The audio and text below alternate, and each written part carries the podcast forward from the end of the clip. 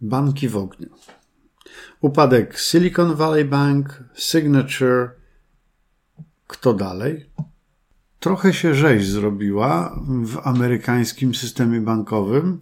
No w tym sensie, że w piątek, tydzień temu, upadł Silicon Valley Bank i to nie był taki może jakiś szczególnie znany bank. Co do wielkości był dopiero właściwie szesnasty. No ale dwa razy większy niż nasz PKO BP. No ale w Stanach wszystko jest większe, więc to nie dziwi. Upadek Silicon Valley Banku to największe bankructwo banków w Stanach Zjednoczonych od 2008 roku, a wszyscy wiemy, co się w tym czasie działo, co się działo w roku 2008. No to było w piątek. W niedzielę upadł nowojorski Signature. Y, on zajmował się w znacznej mierze y, transakcjami y, na kryptowalutach. Dwa specyficzne banki. Ja mniej wiem o Signature, szczerze mówiąc. Więcej wiem o Silicon Valley. Trochę będę chciał Wam opowiedzieć, trochę będę chciał Wam opowiedzieć o tym, co z tego wynika, jakie mogą być reperkusje, bo takie były prośby, chociaż jak dobrze wiecie, ja nie lubię przewidywać przyszłości, ale troszeczkę o tym sobie opowiemy. Opowiemy, dlaczego Silicon Valley był bankiem specyficznym, co go położyło, dlaczego pewne dobre rzeczy tak naprawdę wyszły mu na złe. Będziemy chcieli też sobie trochę powiedzieć o tym, co to znaczy trochę dla szerszego rynku amerykańskiego, ale też i europejskiego, polskiego, no bo ten nas interesuje. A na koniec, sam koniec, zostańcie do końca, bo na koniec będzie niespodzianka. No dobra, Silicon Valley Bank. Specyficzny bank, tak zwany monoliner. On y, był bankiem, który głównie zajmował się tworzeniem infrastruktury dla funduszy typu venture capital. W tym banku liczne startupy y, lokowały środki, które otrzymywały w ramach kolejnych rund finansowania. To był specyficzny, ciekawy bank, bo jak się dowiedziałem, on miał tylko 16 takich tam fizycznych oddziałów. Bardzo dobrze zintegrowany z giełdami, z krypto, nowoczesny, ciekawy, ciekawy bank. Bankowi temu bardzo y, przysłużył się długi okres obowiązywania niskich stóp procentowych. Silicon Valley Bank rósł, bo pieniądz był tani. Słuchajcie, od 2001 roku, czyli w ciągu dwóch lat, ten bank podwoił swoje depozyty. No, wiadomo, z depozytami coś musiał zrobić i zrobił to, co wydawało się być bardzo bezpieczne. Kupił obligacje stałokuponowe. Na początku tego roku bank pokazał wyniki. Wyniki były raczej słabe, prognoza wyników też była słaba. I tutaj zemściło się na Silicon Valley Banku to, jakich miał klientów. To byli duzi klienci. Duzi klienci to byli, ale przede wszystkim to byli ludzie znakomicie radzący sobie w świecie finansów. Łebscy ludzie. Ludzie, którzy komunikowali się ze sobą. Ta sieć y, ich kontaktów była dość taka mocna, więc ten przepływ informacji był bardzo, bardzo szybki. No i y, w sytuacji, gdy wyniki banku były słabe, część z tych ludzi zdecydowała, że wycofa swoje środki była to część na tyle duża, że bank natknął się na problemy z płynnością. Aż tyle pieniędzy nie mieli. No więc zdecydowali się sprzedawać te obligacje, które no, mieli w portfelu.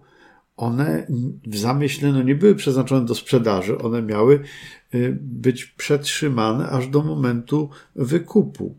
Bank miał na nich, jak to się określa, niezrealizowane straty, no ale w momencie, kiedy bank został zmuszony do faktycznej sprzedaży tych obligacji, no to te niezrealizowane straty stały się zrealizowane.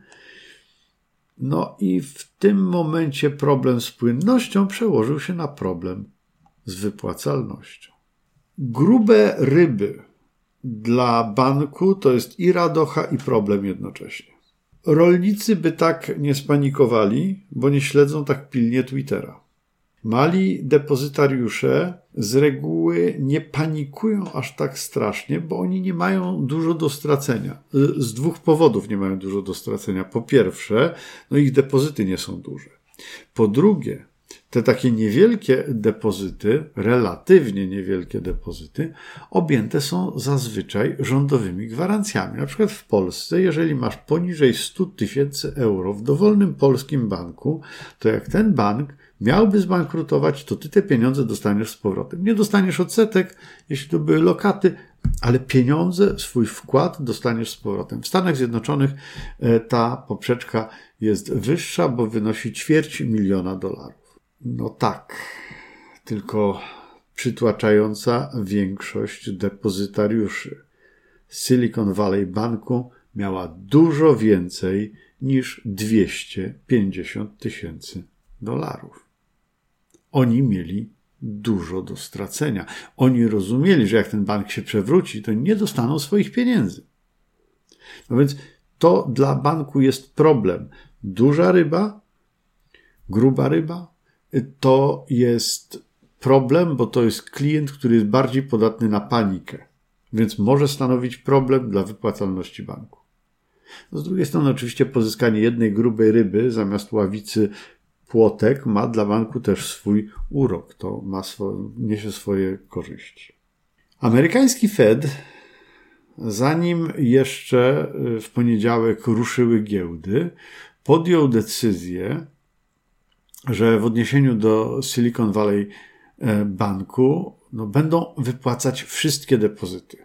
Nie tylko te gwarantowane, tylko wszystkie, niezależnie od tego, jak dużo.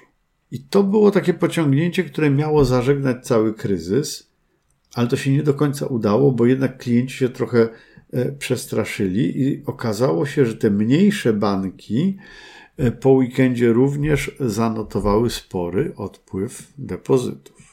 I teraz mamy taką walkę między e, nieufnością, lękiem, paniką z jednej strony, a takim zaufaniem, inercją, niechęcią do działania z drugiej strony. Co przeważy?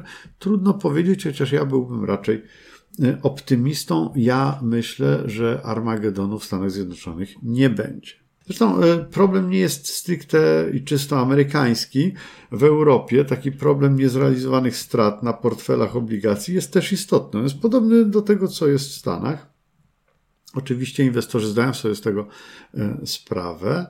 Na razie problem braku zaufania, problem płynności e, na gruncie europejskim przesadnie istotny nie jest. Credit Suisse ma swoje problemy, ale to chyba da się opanować. No teraz tylko powstaje takie pytanie, dlaczego traci się na obligacjach? No to jest dość proste w gruncie rzeczy. Otóż dwa lata temu, w marcu 2001 roku, 2021 roku, dziesięcioletnie obligacje emitowane przez Skarb Stanów Zjednoczonych gwarantowały nabywcy stopę zwrotu w wysokości 1,56%. Tyle by się dostało, gdyby się dotrzymało do momentu jej wygaśnięcia. W marcu tego roku nabywca nowej dziesięcioletniej obligacji może liczyć na stopę zwrotu w wysokości 3,62. To jest bardzo duża różnica, bo to jest różnica, zwróćcie uwagę, stuprocentowa praktycznie rzecz biorąc. Ta różnica, stuprocentowa różnica w oprocentowaniu wynika oczywiście z tego, że Fed podnosi stopę procentową, podnosi stopy procentowe, no bo chce walczyć z inflacją. Natomiast problem jest tego rodzaju, że jeżeli kupiliśmy te obligacje dwa lata temu i chcielibyśmy ją dzisiaj sprzedać, no to dostalibyśmy niższą cenę niż ta, którą zapłaciliśmy. No bo nabywca nie zapłaci nam tysiąca dolarów za to, żeby dostać 1,56% stopy zwrotu, skoro za ten sam 1000 dolarów może kupić świeże obligacje, które dadzą mu zysk dwa razy większy. Czyli jeżeli chcemy sprzedać starą obligację, to musimy ją sprzedać taniej, czyli musimy sprzedać ze stratą. Jeżeli musisz sprzedać, to tracisz. No a Silicon Valley Bank musiał sprzedawać. Fed stworzył teraz specjalny instrument, on się nazywa Bank Funding Term Program, który ma zapewnić płynność amerykańskim bankom, czyli ten cały Bank Funding Term Program polega na tym, że banki będą mogły sprzedawać Fedowi te obligacje skarbowe, które posiadają, bez utraty ich wartości. I to pomoże im zachować płynność. Oczywiście to oznacza, że jak Fed będzie kupował takie obligacje, które no de facto straciły na wartości, no to w praktyce weźmie na siebie koszt ratowania amerykańskich banków. Czyli jak zazwyczaj prawdopodobnie za wszystko zapłacą taxpayers, podatnicy. Jak to się ma do Polski? Trochę nijak. W tym sensie, że nasz system jest naprawdę bardzo, bardzo stabilny. Przede wszystkim my w Polsce w ogóle nie mamy takiego banku jak Silicon Valley Bank, który by miał taką strukturę depozytariuszy dużych, zorientowanych na nowoczesność, etc., etc. Po prostu nie mamy Silicon Valley, tak? Nie mamy Doliny Krzemowej w Polsce. Y, sektor bankowy w Polsce jest generalnie chyba przygotowany dość dobrze na tego rodzaju zawirowania. Natomiast y, widzicie wyraźnie pewnie, że wybuchła radość na krypto. Tam ceny kryptowalut łącznie z bitcoinem na czele mm, poszybowały w górę. To jest radość przedwczesna. Przedwczesna w tym sensie, że słuchajcie, pogrzebu tradycyjnego systemu bankowego nie będzie, przynajmniej na razie. A wzrost e, wartości bitcoina o jakieś tam ponad 20% w kilka dni dobitnie jasno pokazuje, że to nie jest żadna waluta. Nie nazywajmy bitcoina walutą, kryptowalutą. To nie jest waluta. Y, takiej niestabilności siły nabywczej pieniądza nikt z nas nie chce.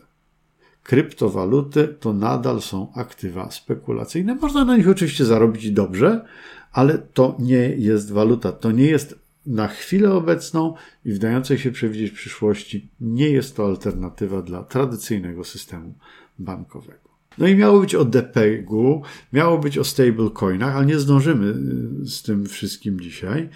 Y, zaproszę Was pewnie za tydzień. No i powtórzę raz jeszcze, nie lękajcie się, Armagedon pewnie kiedyś y, będzie, ale jeszcze nie dzisiaj. A na koniec niespodzianka, czyli Happy birthday to you, happy birthday to you, happy birthday dear um, dear YouTube channel, happy birthday to you.